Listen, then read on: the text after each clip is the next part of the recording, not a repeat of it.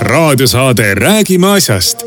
Eesti asjadest nii nagu need on, räägivad Mart ja Martin Helme ning nende huvitavad saatekülalised pühapäeviti kell üksteist. loe põnevate teemade kohta rohkem ka uudisteportaalist uueduudised.ee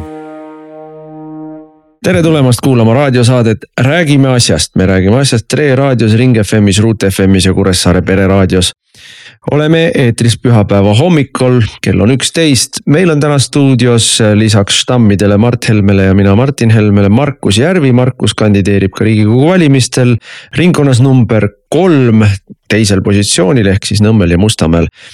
tere, Markus. tere kõikidele ja ma äh, annan väikese sissejuhatuse, et millest me täna rääkida tahame, meil jäi eelmise saate äh, aega natuke väheks, et rääkida, anda ülevaade oma erakonna programmist, me teeme sellest veel ühe äh, lõigu. siis võtame ette siseminister Läänemetsa, keda me ka juba eelmises saates rappisime, aga nüüd juba uue asja eest nimelt Läänemets teatas, et kirikutel ei ole õigus äh, poliitikas äh, arvamust avaldada, mis on nagu otseselt põhiseaduse vastane seisukohavõtt, aga, aga laiemalt võttes lihtsalt äh, totalitaristlik mõtteviis.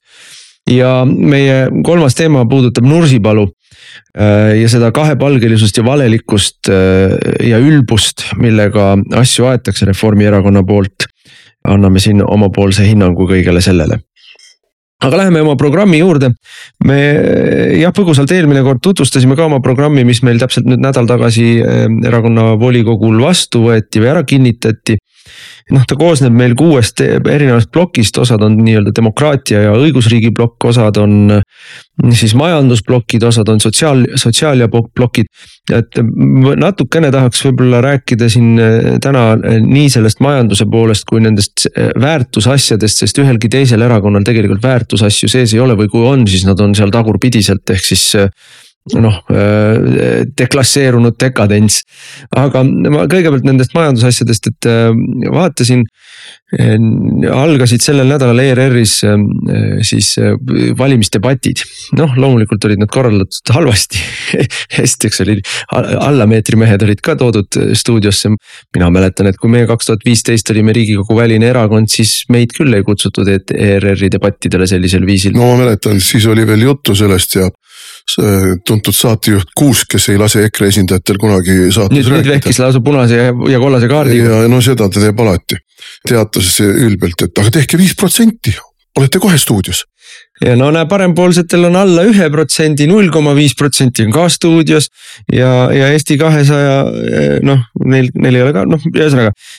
reeglid tehakse vastavalt sellele, kuidas vaja on, et siin noh, jälle liberaalid teevad nagu nad teevad, aga. aga mis, miks ma sellest saatest rääkima hakkasin, et siis tuli juttu kaitsekulutustest ja, ja millegipärast ainult ja, ja millegipärast kohe küsiti meie esindajalt Jaak Madissonilt, aga kust see raha võetakse, aga kust see raha võetakse. ja, ja noh, Jaak üritab seletada, et raha tuleb eh, kahte viisi, et esiteks loomulikult kiired asjad tuleb ära teha laenuga. selle laenu me pärast maksame tagasi sellega, et me paneme majanduse kasvama, sest majanduskasv iseenesest toob juurde juba raha riigieelarvesse ka. ja noh, sellest olekski võib-olla nagu paslik alustada, et kui meie räägime sellest, et eh, me toome eh, eh, Euroopa kõige odavamad energiahinnad, eh, siis see on juba ülioluline sisend tegelikult inimeste ja ettevõtete jõukuse kasvule. ma käisin ühel, ühel debatil ka, ühel majandusdebatil, ühel ingliskeelsel majandusdebatil siis seal oli küsimus, ettevõtjad küsisid, et missugused on teie toetused ettevõtjatele energiakriisis ja mina ütlen, et meie toetus on see, et elekter on kõige odavam, kütuse teeme odavamaks, langetame aktsiise. võtame CO2 komponendi välja, ei luba Eesti Energial poolteist miljardit kasumit võtta elektrihindadega, et teeme energia odavamaks. ei, aga missugused on teie toetused? ma mõtlen, et ei, see ongi toetus, et see ongi see, et inimesed siis ei vaja enam toetust, kui asi on normaalne jälle Äh, ja seda me tahame teha ja seda noh, ikkagi tuleb üle korrata, et äh, ei ole kolmesendine elekter võimatu. see oli paar aastat tagasi, siis kui meie olime valitsuses. ja, ja, ja Eesti Energia oli jätkuvalt siis ka kasumis, see ei ole võimatu, kütuse hind, kui teha maksualandused ära praeguse ühe koma seitsme, ühe koma kahe kaheksa asemel oleks üks koma kaks võib-olla, noh sest, sest. no kõikuvalt noh. nafta hinnast ka sõltub. natuke üle ühe, ühe euro mis on ju noh, mis on ju täiesti normaalne hind. aga ma muidugi ütlen, et ma ei suuda oma ärritust varjata, ma käin ju ka valijatega kohtumas siin ja kui siis kuskil mingisugune külataat tõuseb püsti ja hakkab siis ilkuvalt ja irvitavalt ütlema, ei noh, te võite ju siin rääkida, mis te tahate, no. kolme senti, no kuulge, tulge nüüd mõistusele, see elektri hind ei ole võimal-, võimalik. no kümme senti ma saan aru, aga kolme senti, no ärge narritage rahvast. aga kulla taadikene sina muidugi oled need arvutused teinud, sina oled olnud Eesti Energia juht ministrina. sina tead, missugused on seal sisendhinnad, sina tead, missugused on seal väljamüügihinnad, sina tead, missugune on see rahvusvaheline keskkond milles me toimetame. sina tead seda muidugi palju paremini kui meie, kes me oleme need analüüsid kõik teinud ja ütleme, et kolm senti on võimalik ja kolm senti on läbi aastakümnete, kolm-neli senti on läbi aastakümnete kõikuvalt olnud aga noh, muidugi mul ei ole mõtet sinuga vaielda, sellepärast et kui ma sulle, kui ma su paika panen taadikene, siis sa ju ütled, et ei no kurat, seda EKRE-t ma küll valima ei lähe, need on ju puhta hullud ei no tegelikult on väga oluline see, millele sa praegu tähelepanu juhtisid, Martin, siin ka seda, et eh, meil valitseb selline sotsialistlik mentaliteet ja sotsialistlik mentaliteet valitseb kõikide liberalistlik, eh, sotsialistliku ühispartei liikmete eh, raames. E kakssada, Reformierakond, sotsialistid, miks mitte ka tegelikult ka Isamaa sinna juurde arvutada. et ühe käega me võtame ja teise käega anname tagasi. et jumala eest mitte seda keskset süsteemi lammutada, et jumala eest mitte teha seda, mida tegelikult EKRE tahab praegu teha. et tõepoolest elektri hinda alla tuua näiteks CO2 komponendi minema viskamisega sealt elektri hinnast. et äh, kui äh, me sellised asjad nagu teeme ära reaalselt, siis see on juba toetus kõikidele inimestele, kes maksavad elektrist vähem. mitte niimoodi, et riik võtab ühe laksuga ära ettevõtjatelt, tavalistelt inimestelt ja siis pakub, teeb ennast nii-öelda selliseks äh, instantsiks, ilma kelleta hakkama ei saa. kes siis maksab tagasi mingist teisest osast, et see nõiaring tuleb ju täiesti ära lõhkuda. niimoodi ei saa majandust üleval pidada niimoodi ei saa äh, riigi positsiooni kodanikele välja käia. no siin on üks moment veel ja, ja noh, ausalt öeldes see näitab ka väga paljude ettevõtjate mentaliteeti, siin on ju korruptsiooni moment see on ju valitsuse otsustada, see on ju mingisuguse ministri ja mingisuguste ministeeriumi ametnike otsustada, kellele me kui palju anname. ja me oleme ju näinud, mismoodi see korruptsioonivärk siin käib, no võtame Liina Kersna võtame siin äh, ükskõik missugused äh, ka Tallinna linna ettevõtted, äh, Keskerakond, kes, kes otsustab. Nemad annavad, nii palju annavad, aga missugused on vastuteened ja kellele, mille pärast antakse, kas parteilise lojaalsuse pärast antakse või antakse maailmavaatelise mingisuguse lojaalsuse pärast. kas seal on sisse kirjutatud ka sellele toetusele mingi protsent, mis peab tulema teatud parteile või ka teatud poliitikule tagasi mingil moel. aga moodi võib väga palju olla. näiteks ka niimoodi, et ettevõte, kes saab toetust ja tegeleb näiteks mingisuguste mööbli tarnimistega, tarnib ka sulle näiteks mööblikomplekti, mingisuguse diivani või elektroonikat, midagi. et korruptsioon on niisugune asi, et korruptsiooni teostamine sõltub inimeste fantaasiavõimest ja, ja karistuse hirmust. ja aga ma mõtlen selle nende toetuste kohta, et noh, me teame ju kõik, mis on reformikate ja, ja ka Isamaa ja isegi sotside jutu selline, et oi, ega lõputult ei saa toetusi maksta, et kust see raha võetakse, aga tegelik fakt on ju see, et. et kulbiga võetakse ja lusikaga antakse, et kui me räägime sellest, et Eesti riik on toetanud paarisaja miljoniga eraette, ettevõtjaid ja eramajapidamisi siin energiakriisis, mis on Euroopa rekord madal. üheski teises riigis Euroopas ei ole nii kitsilt energiakriisis tuldud oma inimestele appi kui meil, see on null koma midagi protsenti äh, siis SKP-st. aga ära on võetud energiahindadega äh, viis-kuus korda rohkem. Äh, üks koma viis miljardit on ära võetud ja kakssada või kakssada viiskümmend miljonit, oleneb, mida sa sinna sisse arvutad, on, on nii-öelda tagasi antud, et. et see on äh, tegelikult see raha keerutamine on ikkagi olnud jätkuvalt valitsuse ja poliitikute äh, jaoks väga tulus äri. ja nüüd teine asi on see, et aga ka selle väikese tagasipudistamisega tekitatakse sõltlasklassi. ehk siis e-, ettevõtted ja inimesed pannakse võimul olevate poliitikute suvast, nii nagu Mart just praegu rääkis, sõltuma. ja noh, see, see tõepoolest, see tuleb ära murda. ja, ja noh, meie oleme ainsad, kes sellest räägivad, aktsiise alla, CO2 komponent välja välja, käibemaksu alla, et asjad läheksid odavamaks, see ongi see toetus, mis me teeme, aga noh, ma tahan siia juurde veel panna meie teised punktid ka, mis on nüüd nagu nendes, ütleme siis majanduspunktid, et viimase kahe aasta jooksul on Eesti inflatsioon olnud kolmkümmend üks protsenti, see tähendab, et kõik inimesed on tehtud vaesemaks kolme, ühe kolmandiku võrra, kolmkümmend üks protsenti. kui sul oli arvel, ma ei tea tuhat eurot, siis noh, ta numbrina võib seal jätkuvalt arvel olla, aga selle raha väärtus on seitsesada, eks ju. nüüd kui sa said ennem pensionit viissada eurot, siis tema ostujõud on siin noh, tegelikult kolmsada viiskümmend tänasel päeval. ja selle kompenseerimiseks ikkagi tuleb tõsta pensioneid ja tuleb tõsta miinimumpalka. Sest noh, lihtsalt inimesed ei tule, ei tule välja ja meie lubadus, valimislubadus, selge valimislubadus. miinimumpalk tuleb tõsta äh, kuuekümne protsendini keskmisest, ehk see on tuhat viiskümmend eurot täna, tänase päeva seisuga ja, ja pensioneid ei saa tõsta me niimoodi siin ühe raksuga nii kõrgele, aga nelja aasta jooksul äh, tänastes hindades tuhande kahesaja euroni, aga selle praeguse suure hinnatõusu kompenseerimiseks tuleb teha erakorraline lisapensioni väljamakse. ehk siis äh, alla keskmist pensionit saavatele pensionäridele kolmeteistkümnes pension ehk üks pension aastas juurde. kuni saame selle inflatsiooni kontrolli alla.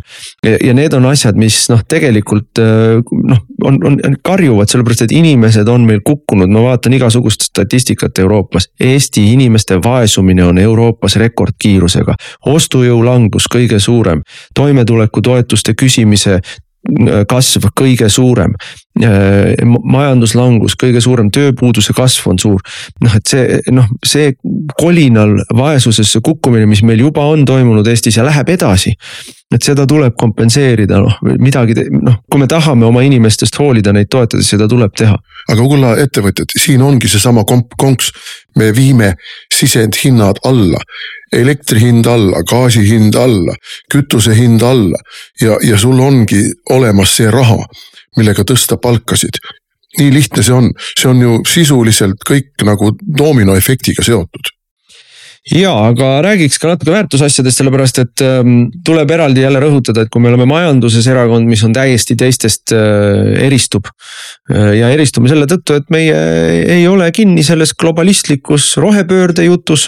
me saame rääkida CO2 komponendi väljaviskamisest, me ei ole kinni äh, selles nii-öelda globalistlikus avatud majanduse jutus, vaid ikkagi saame rääkida kodumaise ettevõtja ja kodumaise töötaja kaitsmisest ja abistamisest siis äh, väärtusküsimustes me täpselt samamoodi eristume väga selgelt, et. Äh, et noh, loomulikult perekonna, perekonna traditsioonilise perekonna kaitsmisest äh, me oleme ka rääkinud, aga, aga nüüd on üks oluline asi ikkagi, mida minu meelest tuleb üle rõhutada, et, et see vihakõne seadus, noh see tsensuuriseadus või ka konkreetselt näiteks seesama sundvaktsineerimise mittelubamine.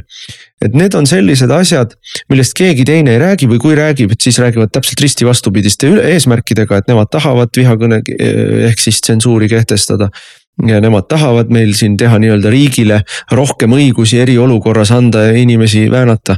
et ähm, me oleme absoluutselt eristume siin selles küsimuses ja Teie, Varro ja Markus, te tegite saate Objektiivis, kus te sedasama teemat arutasite ja mulle noh, väga, väga meeldis või jäi kõrva see koht, et et nii-öelda vabaduse kaitsmine on tegelikult alati mingisugune konkreetne võitlus, mingi konkreetse eelnõu või mingi konkreetse otsuse. noh, siis äh, ümber käib ta ja noh, me mäletame neid võitlusi, mis toimusid NETS-i seaduse ümber, et see oli ka vabaduse kaitsmine või ABIS-e seaduse ümber konkreetse eelnõu puhul. nii nagu ka tegelikult konkreetse eelnõu puhul ju kooseluseadus, et noh, sul, sul ühiskonda ehitad, tehakse ümber, radikaalselt tehakse ümber ikkagi mingisuguste konkreetsete sammudega, nende konkreetsete sammude puhul väga selgelt joonistub välja, kes on mis poolel ja noh, kurb on tõdeda, et ega Eestis. noh, meie oleme ühel poolel, vabaduse poolel ja, ja, ja kõik teised on kas vastaspoolel või üritavad jääda sinna ei kellegi maale ja äh, kõige üldisemalt võibki öelda seda, et äh, EKRE rahvuskonservatiivid, patrioodid äh, on need, kes ühiskondlikku põhiseaduslikku kodanikuvabadust kõige rohkem kaitsevad Eesti Vabariigis, see on selge. see ükski fakt ei lükka seda ümber ja. faktikontrollija lükkab faktikontrollija võib lükata, aga nad teevad vigu kogu aeg ja tahtlikke vigu no,. faktikontroll aga... ja kõik need, no põikan kõrvale, vabandust, Markus, katkestasin oli see esimene suur teledebatt äh, julgeolekupoliitika teemadel. kus oli see žürii, kes otsustas, kes oli kõige parem, kes võitis. kusjuures üks oli kandidaat veel, Oidsalu no absurd lihtsalt, liberaalid on pandud sinna ideoloogilist hinnangut andma ja ütlevad, et äh, need olid head ja need olid halvad no, no, no ausalt öeldes, no, no Piinlik. milleni me oleme jõudnud? Aga võib-olla tuleme tõesti selle programmi nagu väärtuspunktide juurde, et äh, siin tõesti EKRE eristub äh, väga selgelt, et praegu me näeme seda, kuidas äh, kolm erakonda, see kuri kolmik, Reformierakond, siis E200 ja sotsialistid lubavad, lubavad omaenda programmis vihakõneseaduste abil inimeste suud kinni panna, need on nende lubadused programmis. Reformierakond lubab kooseluseaduse rakendussätteid, kaks ülejäänut lubavad äh, niinimetatud homoabielu. Äh, need on mündi kaks poolt, et äh, kui tuleb, ma ei tea, homoabielu ja mingid muud asjad, siis teise poolena on see, et nende kriitikuid, normaalse perekonna, loomuseadusliku perekonna poolt võitlevad inimesed, need lihtsalt vihakõneseaduste abil vaigistatakse ära, pannakse vangi, neile keeratakse mingid trahvid peale, nende suu pannakse kinni.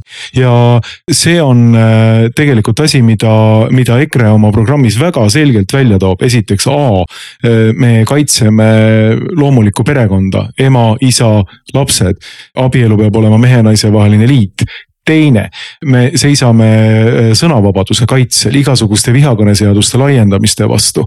kolmas, me oleme vaktsineerimissunni vastu, vaktsineerimisvabaduse poolt tehke oma vaktsiinid ära nii palju, kui te soovite, konsulteerige arsti ja apteekriga ja tehke, kui soovite oma vaktsiinid ära. aga riik riik ei pea olema see instants, kes sunnib inimesi vaktsiini vastu võtma äh, ja panema sõltuvusse kodanikuvabadused sellest, kas inimene on vaktsiini teinud või mitte. ja need on äärmiselt olulised, äärmiselt olulised printsiibid, mida mina hindan nagu EKRE programmis tohutult. Need on kesksed asjad, mis äh, räägivad sellest, et kes tegelikult, tuleme tagasi selle esimese nagu repliigi poole, mida ma ütlesin, et esi, need, kes tegelikult hindavad vabadust ühiskonnas ja kes ei hinda hinda, kes seisavad põhiseaduslike vabaduste kaitsel ja kes ei seisa.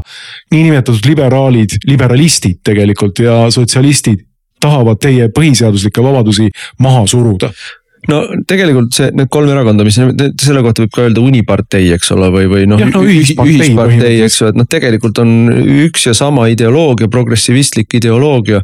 äärmiselt radikaalne ideoloogia loomulikult, et sealt leidub ka neil ikkagi transsoolisuse äh, plaane ja nii ja nii edasi, muide. ka rohelised kuuluvad selle ühispartei all, roheliste, roheliste platvormis on sees ka kanepi legaliseerimine.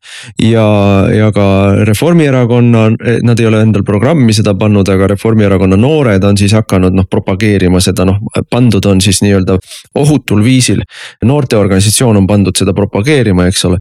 ja rohelistel on sees veel tore, tore programmiline ettepanek, et armee peab muutuma sooneutraalseks, et see noh, palju õnne meile kõigile, mina juuksed tõusevad peast püsti, kui ma mõtlen selle peale, et et Eesti noored naised saavad siis sõjaväekohuslaseks.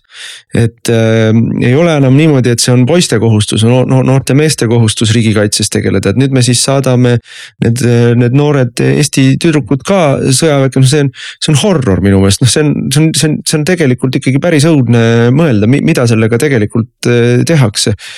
Ja noh, mul hea meel, et sellel erakonnal on protsent seal paari, paari ringis, eks ole, et, et Nad on selle ühispartei selline radikaalsem väike haru, mille ülesanne on äärmuslikke õõvastavaid ideid nii-öelda sinna Overtoni aknasse hakata suruma ja siis tulevad natukese aja pärast juba sotsid pardale, siis natukese aja pärast tulevad juba, eks ole, reformikad pardale. Nende ülesanne, roheliste ülesanne, rohelise taoliste erakondade ülesanne ei ole kunagi poliitikas nii-öelda suureks saada või võita, nende ülesanne on, on, on teha neid nii-öelda lammutustöö kuskil ära, noh ja siis teised saavad selle lammutustöö varemetel edasi rullida. Nojah, see ühispartei puhul võib tuua näite nõukogude perioodist, kui ka mõnedes Ida-Euroopa riikides oli ju lubatud mitmeparteisüsteem, Poolas näiteks aga kõik need parteid olid ju põhimõtteliselt sotsialistlikud või kommunistlikud, isegi nende nimedes enamasti olid, tõsi küll, aeg-ajalt oli ka töö, mingi tööpartei või mingisugune põllumeeste partei või midagi, midagi muud niisugust. aga põhimõtteliselt olid nad kõik kommunistlikud parteid mis väga rõõmsalt täpselt ühesugust agendat ajasid ja, ja hääletasid nii nagu sotsialistlikus riigis pidi hääletama, üheksakümmend üheksa protsenti olid alati poolt et noh, selles mõttes selles suunas me praegu liigume. EKRE kutsub Martin Helme suur valimisturnee Päästame Eesti ehk kuidas päästa meie maa vaesusest, sõjast ja Reformierakonna kägistavatest kätest. tule kohtumisele Eesti järgmise peaministriga seitsmendal veebruaril kell seitseteist Rakvere Aqua hotell ja spa konverentsikeskuses. üheksandal veebruaril kell kaheksateist Haapsalu kultuurikeskuse rõdusaalis. neljateistkümnendal veebruaril kell kaheksateist Rapla kultuurikeskuses. kuueteistkümnendal veebruaril kell kaheksateist Tallinnas Mustpeade majas, kaheksateistkümnendal veebruaril kell neliteist Jõhvi kontserdimaja kammersaalis, kahekümne kolmandal veebruaril kell seitseteist Hestia hotell Strandi Jurmala saalis. vaata lähemalt EKRE.ee raadiosaade Räägime asjast. Eesti asjadest nii nagu need on, räägivad Mart ja Martin Helme ning nende huvitavad saatekülalised pühapäeviti kell üksteist loe põnevate teemade kohta rohkem ka uudisteportaalist uueduudised.ee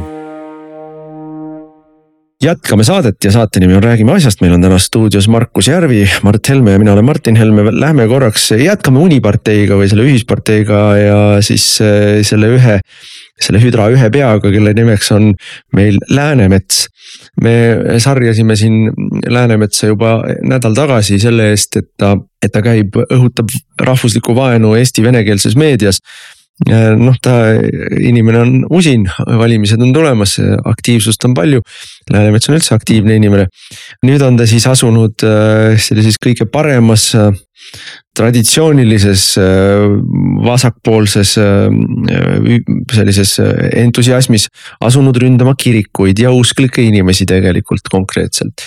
Noh, taustaks on siis see, et ähm, Eestis korraldati eelmisel nädalal infooperatsioon, kus noh, väga selgelt äh, Kremli-meelne või radikaalselt venemeelne seltskond, kelle nimi on Koos aga kelle puhul me ei tea, kui palju nendest inimestest on kapo ja teiste meie eriteenistuse provokaatorid. no nii, aga nemad on teinud seesama koos, on pannud püsti valimisnimekirjad eh, erakonna eh, vasakpartei nime, nime all. ja nii need koos inimesed, kui see vasakpartei saab Eestis tegutseda täiesti segamatult, karistamatult. Eh, noh, Eesti julgeolekuasutuste vaikival nõusolekul. mulle tundub kohati isegi, et mitte nende vaikival nõusolekul, vaid nende, nende ülesandeid aeg-ajalt aeg-ajalt täites. nii et eh, noh, mina pean neid kärbsepaberiks, et nad on sellised tegelased, kes tõmbavad ligi. Eh, noh, ütleme siis julgeolek kasutab neid kärbsepaberina, et vaadata, millised kummalised tegelased eh, nendele sõnumitele reageerivad ja, ja, ja vedu võtavad. no ja siis see seltskond kuulutas välja, et nemad teevad mingisuguse koos Vene õigeusu kirikuga teevad mingisuguse ühisürituse ja loomulikult eh, nii-öelda nipsust lüües Eesti meedia tormas kallale sellele õigeusu kirikule. ja alles hiljem õigeusu kirik sai aru, mis temaga tehtud oli ja ütles, et, et ei, ei, ei, me ei ole mingit koostegevust nendega planeerinud ja meid, me oleme provokatsiooni ohvrid, meid ärge palun sellesse asjasse segage. aga kaks päeva järjest Eesti meedia muidugi tampis mitte seda seltskonda koos ja, ja vasakparteid, vaid, vaid kirikut, noh, see on ka vasakpoolse meedia instinkt loomulikult. aga kes siis nagu erilistesse kõrgustesse lendas, oli Läänemets, kes ütles kirik ja ta ei rääkinud rääkinud ainult muidugi õigeusu kirikust või, või Moskva õigeusu kirikust, vaid ta rääkis lihtsalt üldiselt kirikust, usklikest inimestest ei tohi poliitikas sõna võtta, noh konkreetselt tsitaat, ei tohi sekkuda poliitikasse. ma, kui sa lubad, ma loen ja. selle tsitaadi ette, Läänemets ütles niimoodi, meie seisukoht on alati olnud selline, kiriku igasugune poliitiline tegevus Eestis on lubamatu. kirik ja poliitika peavad olema teineteisest lahus. kui see toimub, siis tuleb see viivitamatult lõpetada, tsitaadi lõpp. nii ütles Läänemets, et äh, põhimõtteliselt tegu ei ole äh, pelgalt Moskva patriarhaadi kiriku kirjeldus tegevusega, siin on avalik nii-öelda ähvardus kõikidele äh, kirikutele, kes äh, mõtlevad, et nad võiksid hakata näiteks suunama oma koguduse liikmete valikuid näiteks Eesti poliitilisel väljal enne, enne valimisi näiteks. aga küsimus ei ole ju ainult ennem valimisi kantslist ütlemine, et need parteid on head või need parteid on halvad või nende parteide programm on vastuolus kiriku õpetusega või nende teiste parteide õpetus on kooskõlas kiriku õpetusega, et küsimus ei ole ju selles, küsimus on selles selles, et vasakpoolsed on kõik ära politiseerinud. poplauludest teatrietendusteni ja koolihariduseni ja kõige-kõige-kõigeni, et noh, ega tänasel päeval ei ole võimalik sul enam kanda mingisugust värvi pluusigi, ilma et sellele ei antaks kohe poliitilist alatooni või, või, või poliitilist tähendust ehk siis sisuliselt ütleb ikkagi Läänemets seda, et kirik ei tohi mitte mingil teemal mitte midagi öelda, arvata või rääkida. ja, ja, ja, ja noh, ju ähvardab konkreetselt kinni panna need kirikud. absoluutselt ja noh, see on selline kõige klassikalisem, äh, kuidas öelda, veriste jakobiinide Prantsuse revolutsiooni, üheksateistkümnenda sajandi vabamüülike liberalistide, äh, kahekümnenda sajandi kommunistide retoorika, et siin ei ole mitte midagi öelda, et noh, et kirikud ei saa avalikul väljal üleüldse ühiskonna mõjutamisega tegeleda. see on meie kommunistide ja see on meie, ma ei tea, sotsialistide pärusmaa.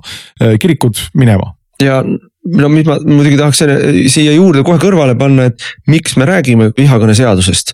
sellepärast, et eh, Läänemetsal käed sügelevad vihakõneseaduse järgi, sest et vihakõneseadus võimaldab siis seda ähvardust hakata reaalselt eh, sanktsioneerima karistustega, et kui ikkagi mitte lihtsalt kirikuõpetaja, vaid eh, näiteks ka mõni suvaline koguduse realiige me ju teame Inglismaalt lugusid, kus suvaline kristlik aktivist tänavanurgal evangeliseerib. Noh, mõnele inimesele see võib-olla tundub maitselage tegevus, aga see on põhiseaduslik õigus Eestis ja politsei viib minema, ütleb, et see on vihakõne. Soomes me teame, eks ole, kui Päivi Räsänen, kes oli siseminister, perussoomlaste siseminister. ei, ta ei olnud, ta perussoomlased, kristlikud demokraadid. aa, vabandust, vabandust, veelgi, veelgi parem, eks ole. luges ette raadios tsitaadi piiblist seoses homoabielude vaidlusega Soomes. ja on juba kolmandat või neljandat aastat kriminaaluurimise all. ehk siis see ongi see vihakõneseadus aga.... ta mõisteti õigeks, aga minu meelest. kaevati edasi. esimeses astmes õigeks ja kaevati edasi jah ja,. et noh, point on selles, et Läänemets ei pauguta niisama tema, vaid äh, see on see ühiskond, mida tema tahab ehitada, eriarvamus tema äärmuslikule äh, äh, siis estofoobsele, mida on ju eestlasi vihkavate sõnavõttudega, eestlased on kõik fašistid, kes tahavad venelastele peksa anda kuskil nurga taga. Perekonna vihkajalikule, laste vihkajalikule seisukohale ei tohi vastu vaielda, ei tohi ja mitte ainult, me ei räägi tegelikult ju noh kui sa täna ütled, okei okay,, kirik hoidku äh, avalikust elust oma nina väljas ja noh, võib-olla Eesti on niisugune usuleige ühiskond, paljudele inimestele see ei tundu nagu eriti oluline. aga mis järgmiseks, kes järgmiseks ei tohi avaldada arvamust teemadel, mida Läänemets ei luba? Ma ei tea, kas korteriühistu üldkoosolekul tohib rääkida Kaja Kallase energiapoliitikat kiruda või, või see on ka ikkagi. ei tohi sellist saadet olla Tre raadios, nagu me siin praegu teeme näiteks ei, ja SAPTK-d ei tohi olemas olla, objektiivid ei tohi olemas olla Inglismaal on jõutud selleni, et ahju ei tohi enam kütta puudega. et noh, reostab ja, ja hävitab äh, puid ja ainult no, CO2 ka emiteerib. see on hullumeelne, aga no ma tuletan meelde, et meil aastaid-aastaid figureeris Eesti poliitikas samuti kristlik erakond. kristlik erakond võttis osa valimistest, jäi paaril korral napilt-napilt alla viie protsendi künnise riigikokku ei pääsenud ja noh, vaikselt hakkas siis see aurselt välja minema. aga põhimõtteliselt koguduste baasil moodustatud kristlik erakond. Läänemetsa loogikast lähtudes niisugune asi on võimatu. sekkuvad poliitikasse, kujutad ette, kogudused panevad partei kokku ja sekkuvad poliitikusse.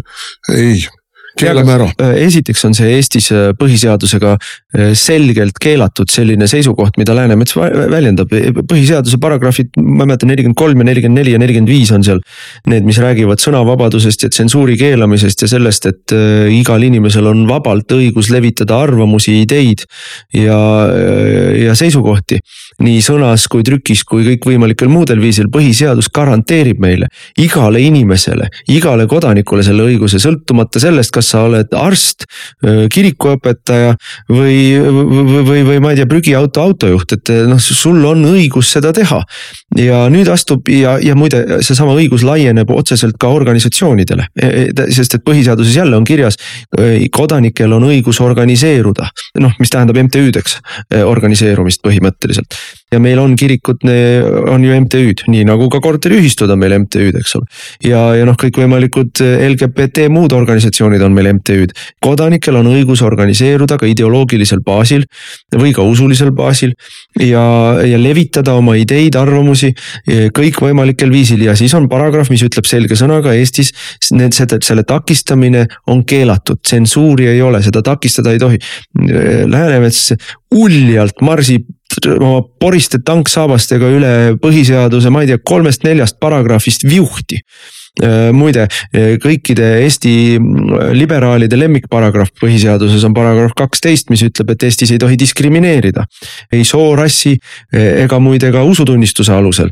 ja nüüd on ka sellest samast paragrahvist kaksteist jalutanud ta roomikutega üle lasknud. nii et noh, see on põhiseaduse vastane tegevus, mida, mida ta harrastab. just nimelt ja siin tasus küsida seda, et kus on skandaal, kus on meedias väljaütlemised, mis ütleksid, et kuulge siseminister tahab põhimõtteliselt kirikut sundlõpetada, kui nad talle ei meeldi mingisugusel põhjusel. aga kui siseminister ütles, et homod jooksku Rootsi, issand, missugune skandaal oli. ja, aga noh, asi on tegelikult väga tõsine, asi on äärmiselt tõsine, et kui siseminister selliste avaldustega esineb. siin peaks praegu tulema tegelikult kokku kirikute, Eesti Kirikute Nõukogu, tegema oma apelli siseministrile, küsima selgitusi, mis toimub. kirikute nõukogu, Eesti kirikute usuühenduste juhid peaksid praegu olema tagajalgadel ja ütlema väga väga selgelt välja, mida nad sellisest äh, arvamusest äh, arvavad.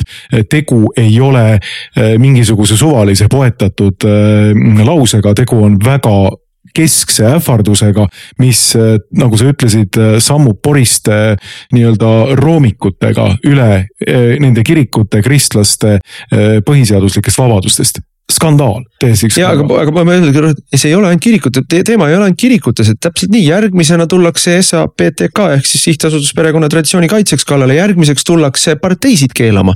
konservatiivne Rahvaerakond, no tule taevas appi. aga seda on korduvalt öelnud, nii mõned, mõnedki liberaalid on öelnud, et EKRE peaks olema keelatud. ja, ja, ja noh, ma ütlen, et äh, ikkagi töökollektiivides peab olema töökollektiivide äh, aktiiv peab valvama, et äh, ei ülemused ega alluvad ei avaldaks siin arvamust arvamust, mis ei ole kooskõlas äh, sotsialistliku internatsionaali usutõdedega ja, ja noh, see on, see on ikkagi see lisaks sellele, et see on põhiseaduse vastane tegevus, mida ta praegu harrastas, on see lisaks sellele nagu olemuslikult vaba ühiskonna ja demokraatliku ühiskonna lammutamine ja see on hirmuõhkkonna loomine. ma tahan siin eraldi nagu juhtida tähelepanu, et, et siseministeeriumi asekantsler peab äh, loomulikuks, et temal on õigus vilistada välja peapiiskoppe endaga nii-öelda kohvivestlusele.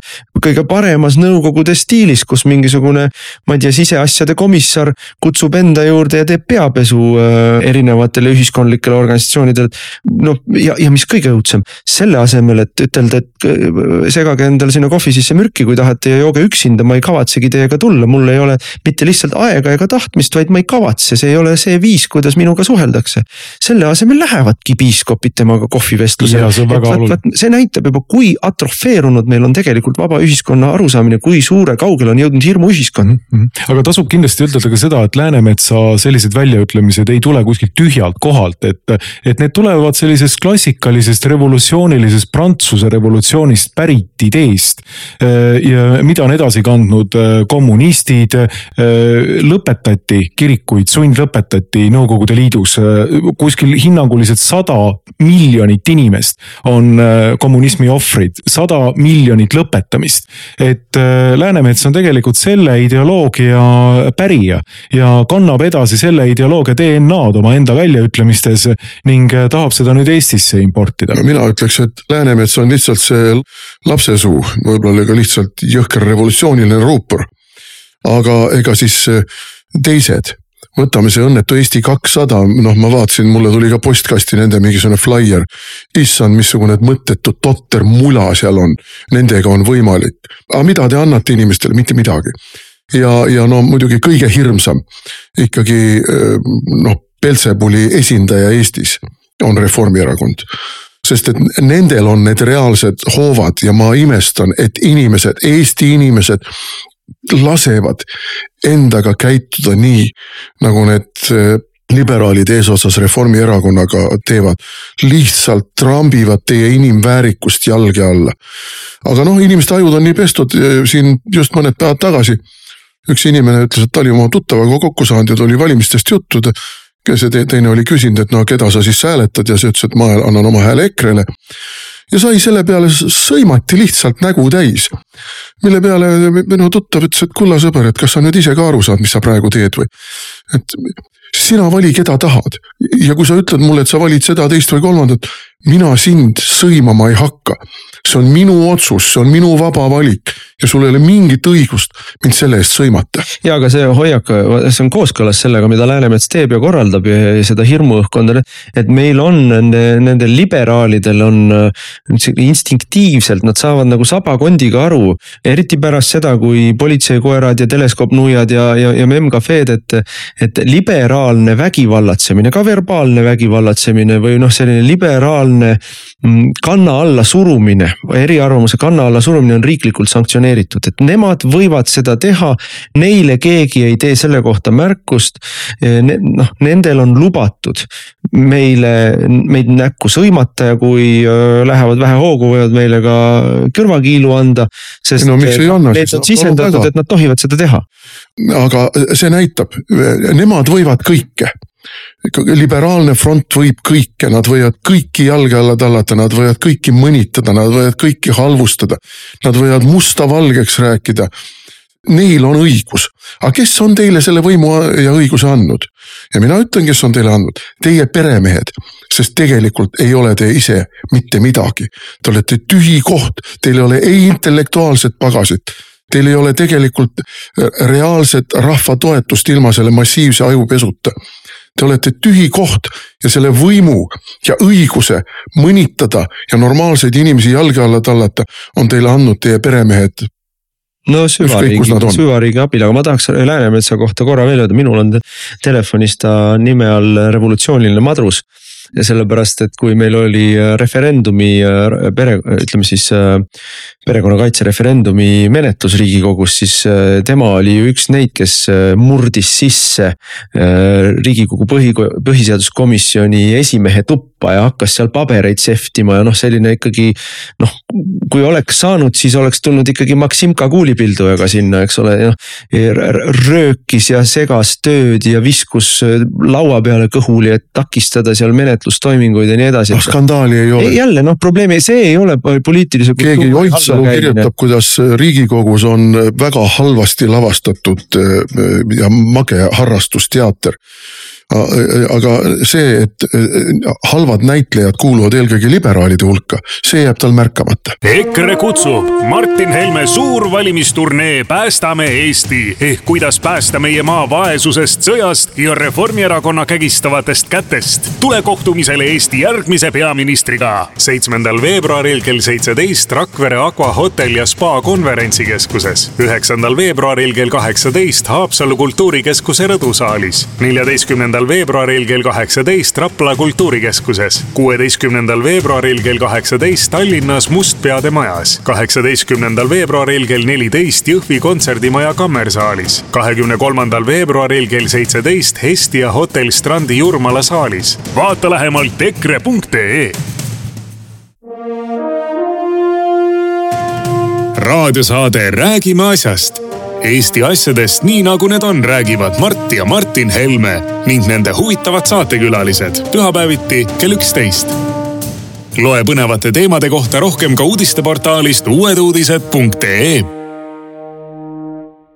jätkame saadet, saate nimi on Räägime asjast, asjast räägivad täna Markus Järvi, Mart Helme ja mina olen Martin Helme. Läheme Lõuna-Eestisse Nursipalusse Nursipalu teema on äh, järjest rohkem tuure üles võtnud äh, ja põhjusega.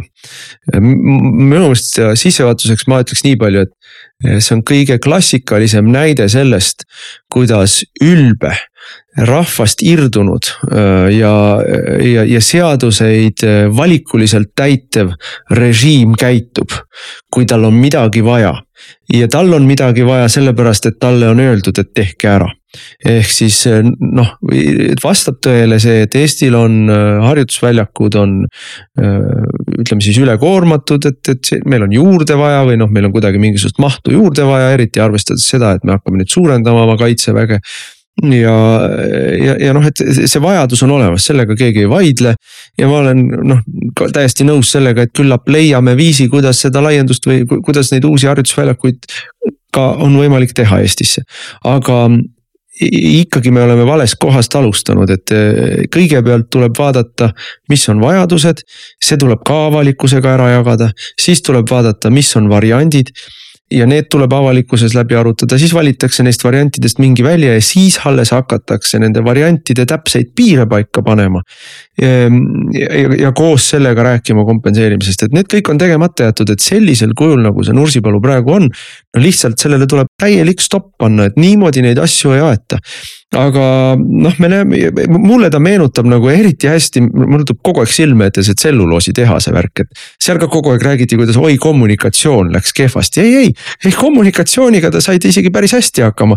kogu protsess oli vale, lihtsalt see, et mismoodi seda tehti, et kõigepealt otsustati ära ja siis hakati inimesi rullima ja me näeme Nursipalus täpselt sama asja. no see on elementaarne, et äh, kogu Eesti sellise ülbe riigi kuvand on täpselt niimoodi toiminud äh, juba, ma ei tea, siin kümme, kakskümmend aastat me mäletame ju ka kooseluseaduse päevilt, kuidas lõpuks tuli või akta või ja. niimoodi, et põhimõtteliselt rullitakse läbi mingisugune rahva enamuse tahtele täiesti vastuvõetamatu otsus. ja siis, kui rahvas tõuseb üles selle vastu, siis öeldakse kommunikatsioon läks natukene viltu. ehk siis teisisõnadega tunnistatakse seda, et me polnud piisavalt tõhusad teie ajude pesemises.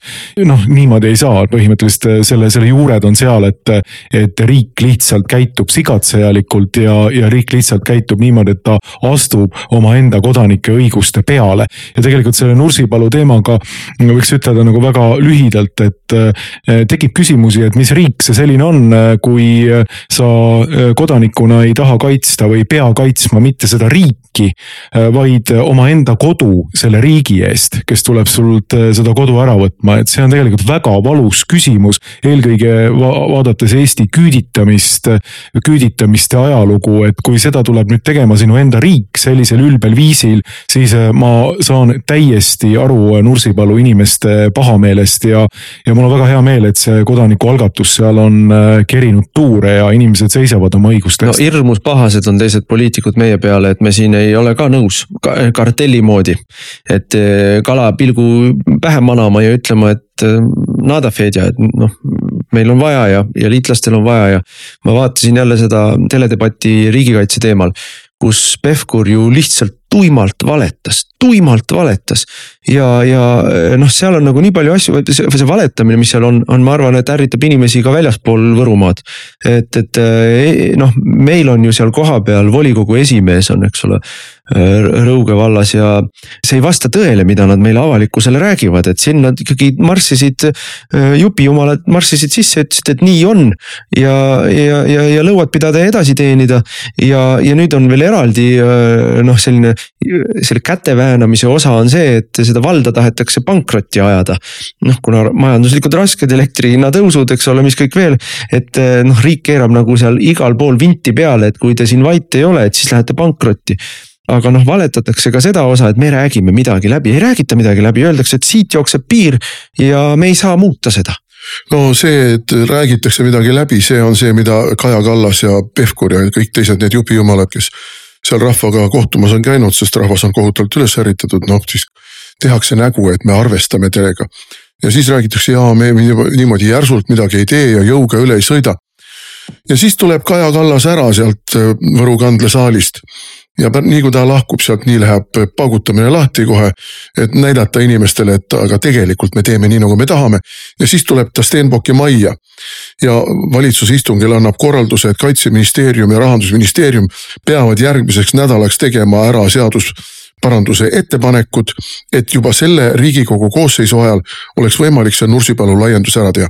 ühesõnaga valetatakse inimestele, nii nagu nad ikka valetavad kogu aeg, kahepalgelised lurjused valetatakse inimestele näkku, et me ei sõida teist üle ja ärge üldse muretsege ja ajame asju rahulikult ja me ei kiirusta kuskile. ja siis tullakse tagasi pealinna ja pannakse rusikas laua peale ja öeldakse olgu, olgu olla. ja see ärritab inimesi ja noh, me käime praegu ju valimiskampaaniaga seoses ringi ja, ja inimeste frustratsioon on väga suur. üks asi on see majanduslik olukord, mis läheb aina halvema, halvemaks Kaja Kallas teatas, et inflatsioon on juba vähenenud mm -hmm. kõigest seitseteist protsenti. noh, ja siis tuli järgmisel päeval uudis, et tegelikult kaheksateist koma kaheksa protsenti.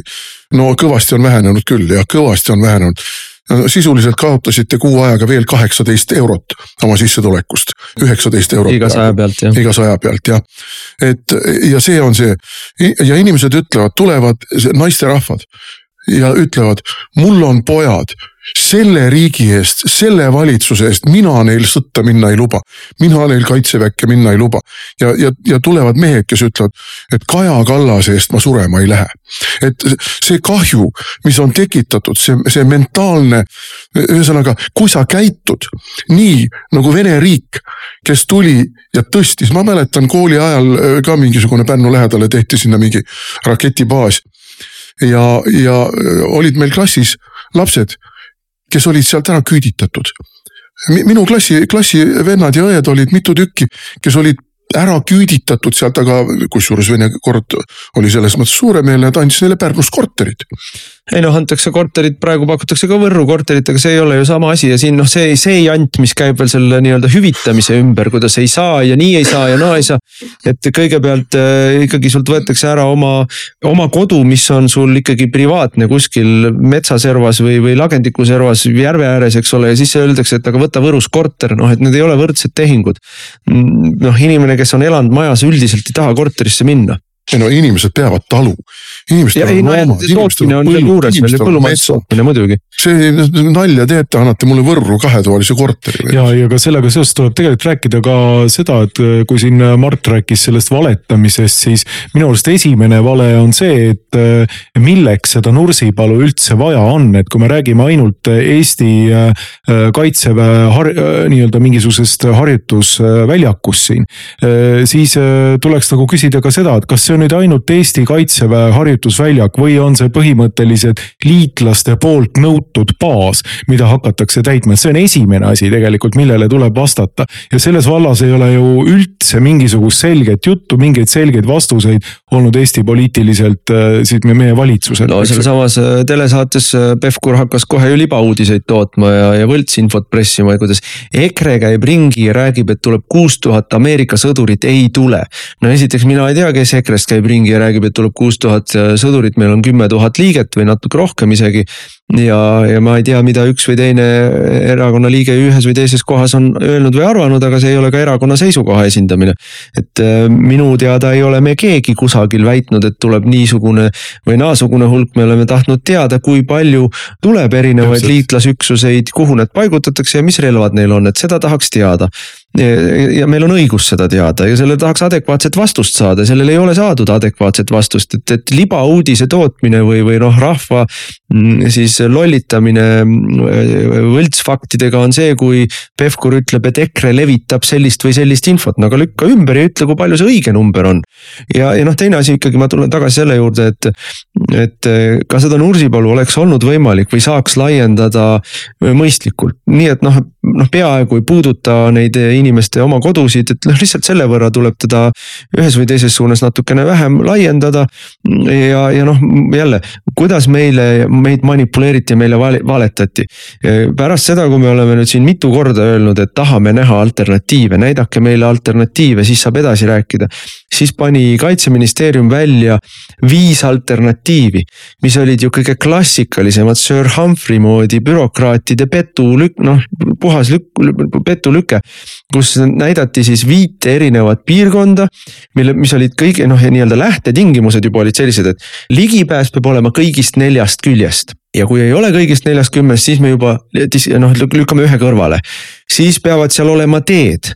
no ja kui teid ei ole, siis me jälle selle lükkame kõrvale, vabandust, ma ütlen eh, kui on kaalukausil see, et me tõstame inimesed oma kodudest välja ja peame neile kompenseerima ja teisel pool on variant, kus on mingisugune tükk, äh, kus ei ole teid, siis parem ehitame neid teid selle raha eest, ei sega inimesi ja, ja kulutame selle raha teede ehitamise peale, et.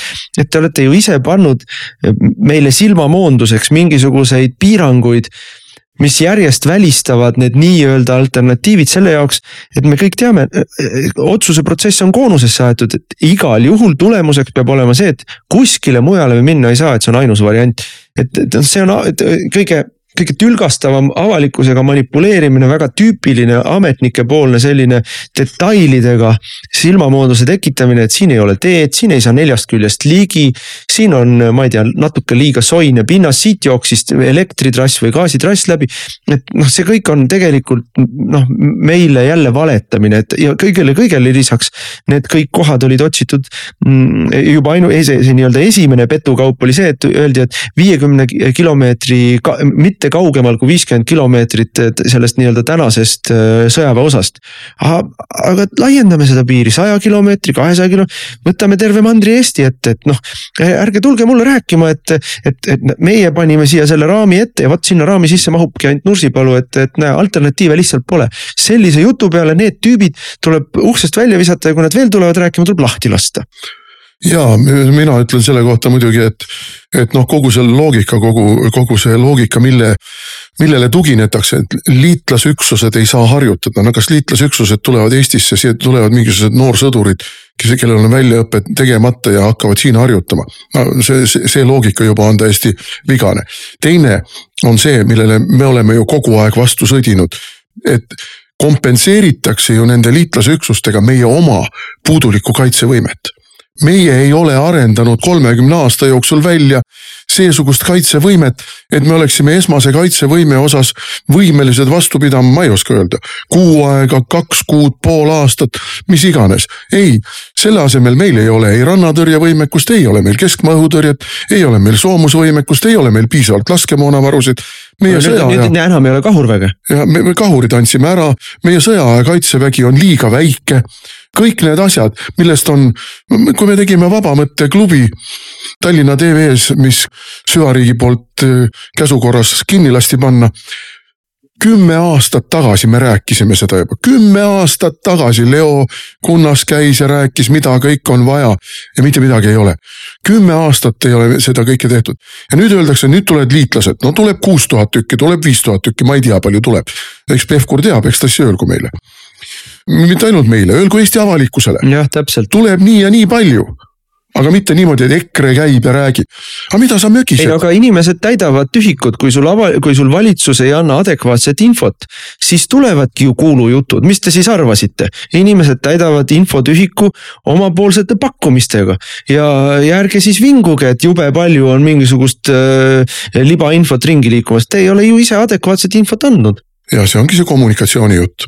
aga äh, ma esitan nüüd ühe tõsise küsimuse. kui siia tuleb kuus või seitse tuhat liitlasvägede sõdurit, kui palju on Eesti kaitseväes sõdu- äh,, isikkoosseis? praegu on neli tuhat. neli ja pool tuhat, neli ja pool tuhat, ühesõnaga siia tuleb rohkem kui meie oma kaitseväes on. kas see on normaalne, kas see on meie esmase kaitsevõime seisukohast normaalne, ei ole.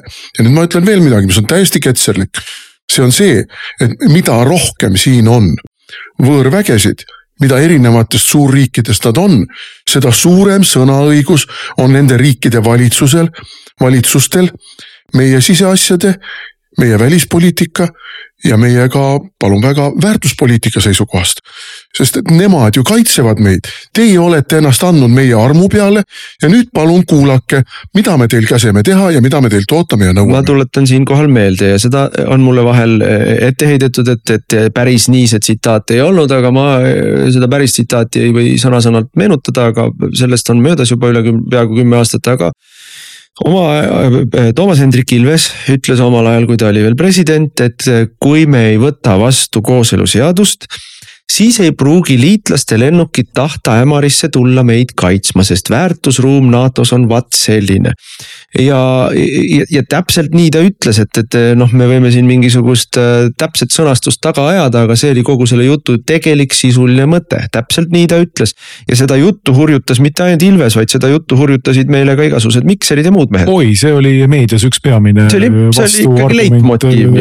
leitmotiiv ja loomulikult, kui sa olid siis äh, loomuliku perekonna kaitsel, siis ajasid sa ju Putini asja, sellepärast et kuna, kuna liitlased enam ei tule meid kaitsma, siis millegipärast siis loomuliku perekonna kaitsel olles sa, sa nii-öelda Putini asja ajad ja, ja usaldust liitlaste vastu kuidagi murendad. aga siia me nüüd oleme jõudnud, et kui kümme aastat tagasi või rohkem aastat tagasi oli niimoodi, et sa ei tohtinud kaitsta traditsioonilist perekonda, sest et see oli noh, Kremli asja ajamine ja liitlassuhete rikkumine. ja siis nüüd kahe tuhande kahekümne teisel ja kolmandal aastal on niimoodi, et sa ei tohi enam kaitsta omaenda kodu.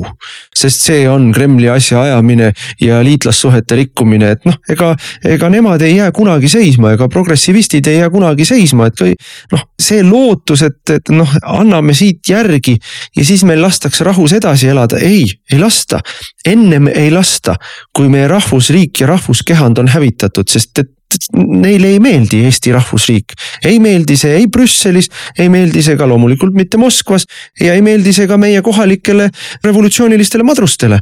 Neile, neil, nad vihkavad rahvust ja rahvusriiki ja nad, nad, neil ei ole üldse kahju, kui nad pööravad kõige patriootlikuma Eesti kandi ehk Lõuna-Eesti, Eesti riigi vastu, sest see, see sobib nende suure plaaniga. ja nad hea meelega, nad mõnuga vastandavad, et äh, riigikaitset ja patriotismi, sest et noh, nende kogu tegevus on tegelikult ju hävitus, kaos ja, ja lammutamine, sest sa ei saa ehitada uut ja paremat transsoolist ja, ja, ja homolippudega ühiskonda. kui sa kõigepealt ei ole ikkagi ära hävitanud neid äh, paganama äh, traditsionaliste ja, ja, ja rahvuslasi ja, ja väikekodanlasi. no peamine nagu sümbol, mis Nursipalus on, ongi see, et äh, sa tegelikult ju kodu kaitses oled omaenda kodu maa kaitsel ja omaenda kodukoha kaitsel. see on see elementaarne sümboolne psühholoogiline väärtus, mida sa teed, kui sa kaitsed oma riiki riiki.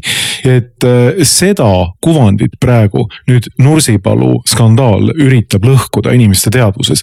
ja see on järjekordselt äh, väga suur löök Eesti rahva kaitsetahte ja Eesti rahva nii-öelda rahvustunde südamikku. ja, aga siin me oleme nüüd, Reformierakond käib kampaanias igal pool, kus vähegi saab, räägib sellest, kui tublid nemad on Eesti kaitsjad. ja, ja, ja praktiline tegevus on loomulikult lisaks sellele, et nad annavad kahurid ära, lisaks sellele, et nad on vallandanud viimase paari aasta jooksul sadu ja sadu, umbes kuussada erinevat ohvitseri äh, koroonarežiimi tõttu. nüüd nad äh, siis pööravad patrioodid riigikaitse vastu või noh, vastandavad vähemalt patrioote ja riigikaitset. Ehm, et, et noh, tegelikult ju Reformierakond lammutab ja õõnestab ka selle sammuga Eesti riigikaitset, Eesti kaitstust. ja noh, nagu me näeme, loomulikult meie meedia noh no ei, ei, ei näe jälle siin teemat erilist, et noh, võib-olla mõned ajakirjanikud, kellel on Lõuna-Eesti juured ja noh, on, on seal samamoodi. noh, räägitakse jälle sellest, kuidas teema on läinud emotsionaalseks. no muidugi on teema läinud emotsionaalseks, kui sul tahetakse kodu ära võtta ja kui sul, kui, kui riik läheb oma rahva vastu siis loomulikult on see emotsionaalne. no siin ongi minu meelest põhiküsimus, Nursipalu on sümbol võitlus Nursipalu eest tähendab võitlust kodanikuõiguste eest, tähendab võitlust selle eest, et valitsus ei saa oma suva kohaselt seadusi väänates, tõlgendades, vajaduse korral ümber kirjutades inimestest ja nende huvidest, inimeste õigustest üle sõita. see on praegu põhiküsimus. riigikaitse ja polügoon on praeguseks hetkeks muutunud tegelikult teisejärguliseks. selles tähenduses, et kui see polügoon nüüd tehakse, siis see tähendatakse, tähendab seda, et on astutud järgmine väga pikk ja väga muserdav samm selles suunas, et mingit kodanikuühiskonda ja kodaniku arvamust arvesse võtvat valitsust ja riigikorda meil enam ei ole jah, ja see on väga masendav mina annan siin lihtsalt lubaduse, et meie ei luba sellel juhtuda, kui me saame vähegi rahvalt mandaadi ja ma annan siinjuures ka kõikidele Lõuna-Eesti inimestele väga selge äh, väga selge soovituse mitte ühtegi häält Reformierakonnale ja tema käsilastele. sellega on meie äh, tänane saateaeg läbi saanud, tänan Markust saates osalemise eest, tänan kõiki kuulajaid ja kuulake meid jälle nädala pärast Te kuulasite raadiosaadet Räägime asjast. saate eest tasus Eesti Konservatiivne Rahvaerakond. järelkuulamine internetis treeraadio.ee ja uueduudised.ee